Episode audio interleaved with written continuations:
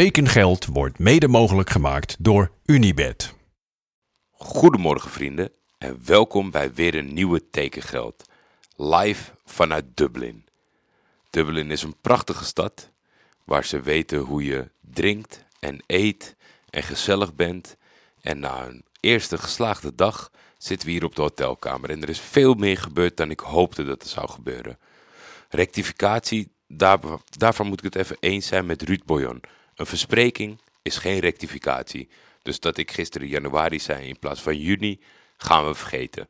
Maar er is wel een andere rectificatie. Ik had iets gezegd over uh, Hesselbank, dat hij niet in Nederland had gevoetbald op profniveau en toch oranje had gehaald. Maar hij had niet gevoetbald op het allerhoogste niveau. Dus niet in de eredivisie, maar wel in de eerste divisie. Bij deze gerectificeerd. Nou, laten we er even snel doorheen rennen. Vitesse heeft definitief vastgelegd een gerucht dat we hier al hadden besproken. Carlens Arcus. Ik verwacht er heel veel van. 25 jaar, al 5 jaar vaste rechtsback bij Auxerre. Dus dat moet wat zijn. Dan heeft RKC een talentvolle spits aanvaller gehuurd van Arsenal. Mika Biret. En laten we luisteren wat Martijn van Zijtveld daarvan vindt. Hallo Jordi. Hopelijk heb je het naar je zin in Dublin. Het doet me goed dat je het in ieder geval over Arsenal moet hebben. Ik weet uh, hoe graag je het daarover hebt.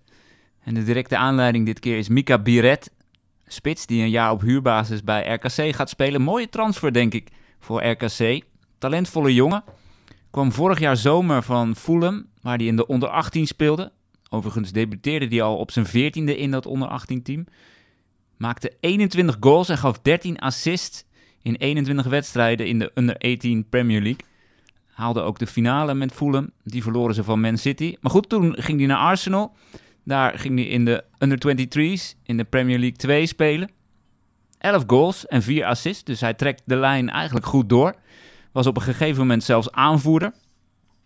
Zat ook dicht tegen een debuut in het eerste aan. Dat is uiteindelijk niet gebeurd. Hij heeft wel een paar keer op de bank gezeten en ook zeer regelmatig meegetraind met het eerste elftal. En eigenlijk hadden ze vorig seizoen al bedacht dat hij na afgelopen seizoen verhuurd zou moeten worden. Ja, wat voor speler is het? Hij is redelijk lang. 1,87 zag ik. Uh, hij is bewegelijk. Redelijk snel. Uh, kan goed de diepte ingaan. Kan nog wel wat winst boeken in zijn combinatiespel. Kan iets beter worden als aanspeelpunt. En het past wel een beetje in de lijn die Arsenal is ingeslagen met de talenten. Die moeten meer ervaring opdoen. En dat doen ze dan liever in een competitie als de Eredivisie. Dus echt op het hoogste niveau.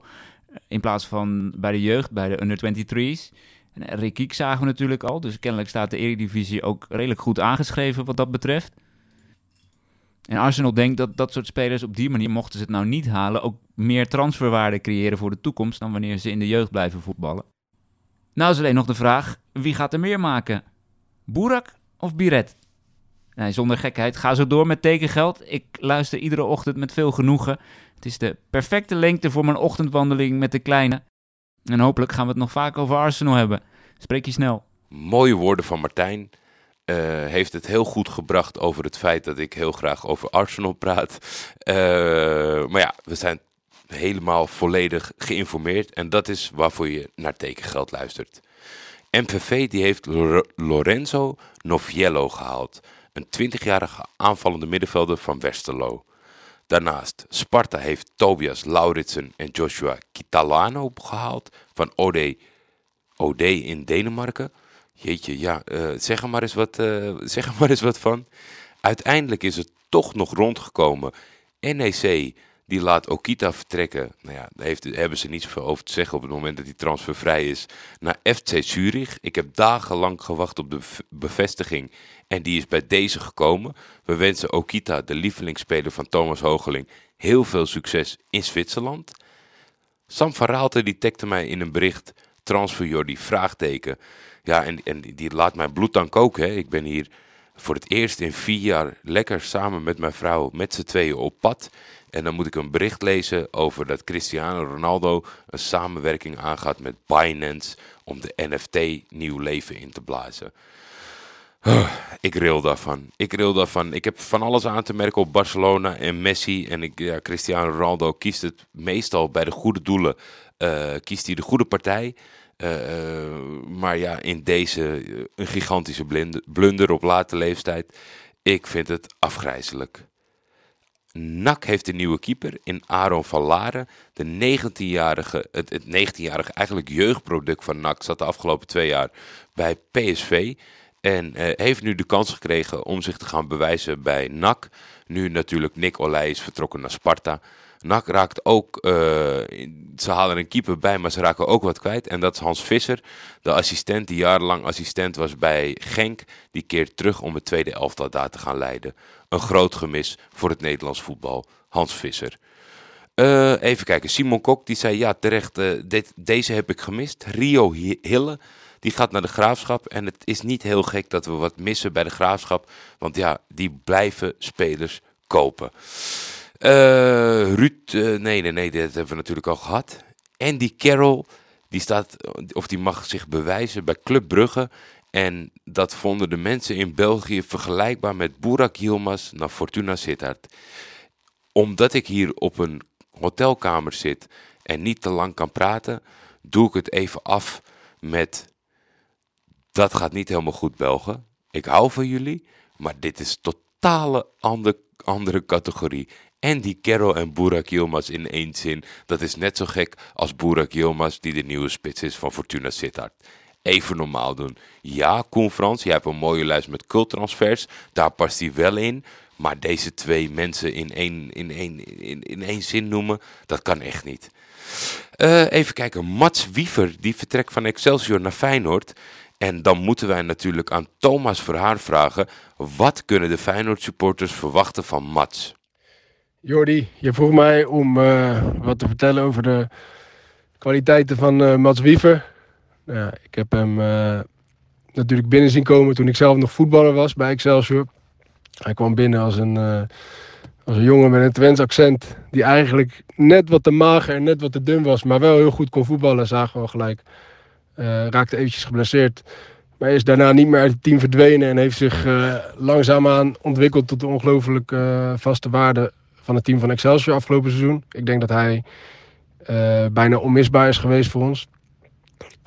waar natuurlijk vaak Dallinga, Azarkan, El Jacoubi, Van Gassel werden genoemd als, als uitblinkers. Bleef, vond ik het eigenlijk wel opmerkelijk dat het rondom de naam van Mats Wiever vrij stil bleef. En ik denk, uh, en wij zeiden zelf al in de staf tegen, vaak tegen elkaar van ja, hij zou in principe het beste passen bij, uh, bij het spel van, uh, van Arne Slot. Dus ik vind het mooi dat, dat het erop lijkt dat hij, daar, dat hij nu ook die kant op gaat. ja, je zag in statistieken voorbij komen dat hij de, de, de, de meeste veroveringen in combinatie met de meest succesvolle dribbles, dat hij daarbij ver bovenaan stond. En dat is natuurlijk wel een, een, een bijzondere mix van kwaliteiten.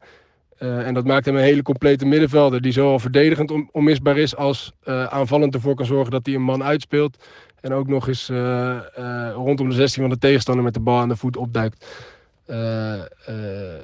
dat was in de keukenkampioen-divisie. Nu is de vraag of die, hoe zich dat verhoudt tot het spel van Feyenoord. Nou ja, ik denk dat dit een, een aanwinst is die zich vooral op de lange termijn moet gaan bewijzen. Dus ik verwacht niet dat hij op de korte termijn uh, lees de eerste, of voor de eerste drie maanden direct zal spelen.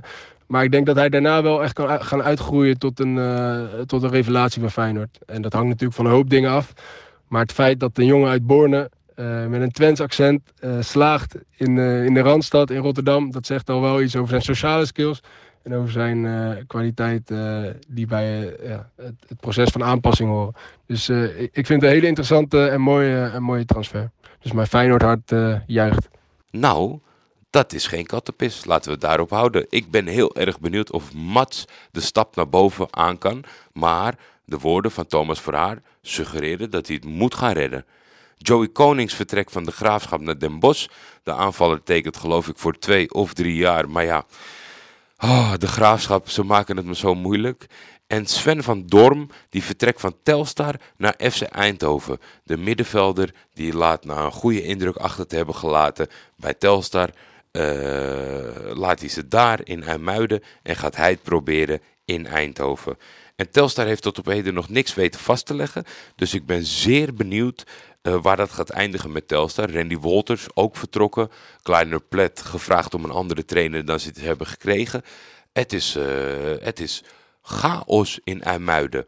Waar het geen chaos is, nou ja, misschien wel op straat, maar hier op de Kamer niet. Uh, dat is in Dublin. Ik spreek jullie morgen weer. Ik hoop dat er iets minder te vertellen is, zodat ik niet door de mand val door weinig eraan toe te voegen. Tot morgen. See you tomorrow. Tekengeld is een Schietvogeltje Media original. Voor commerciële vragen en of samenwerkingen kun je mailen naar schietvogeltjemedia.gmail.com.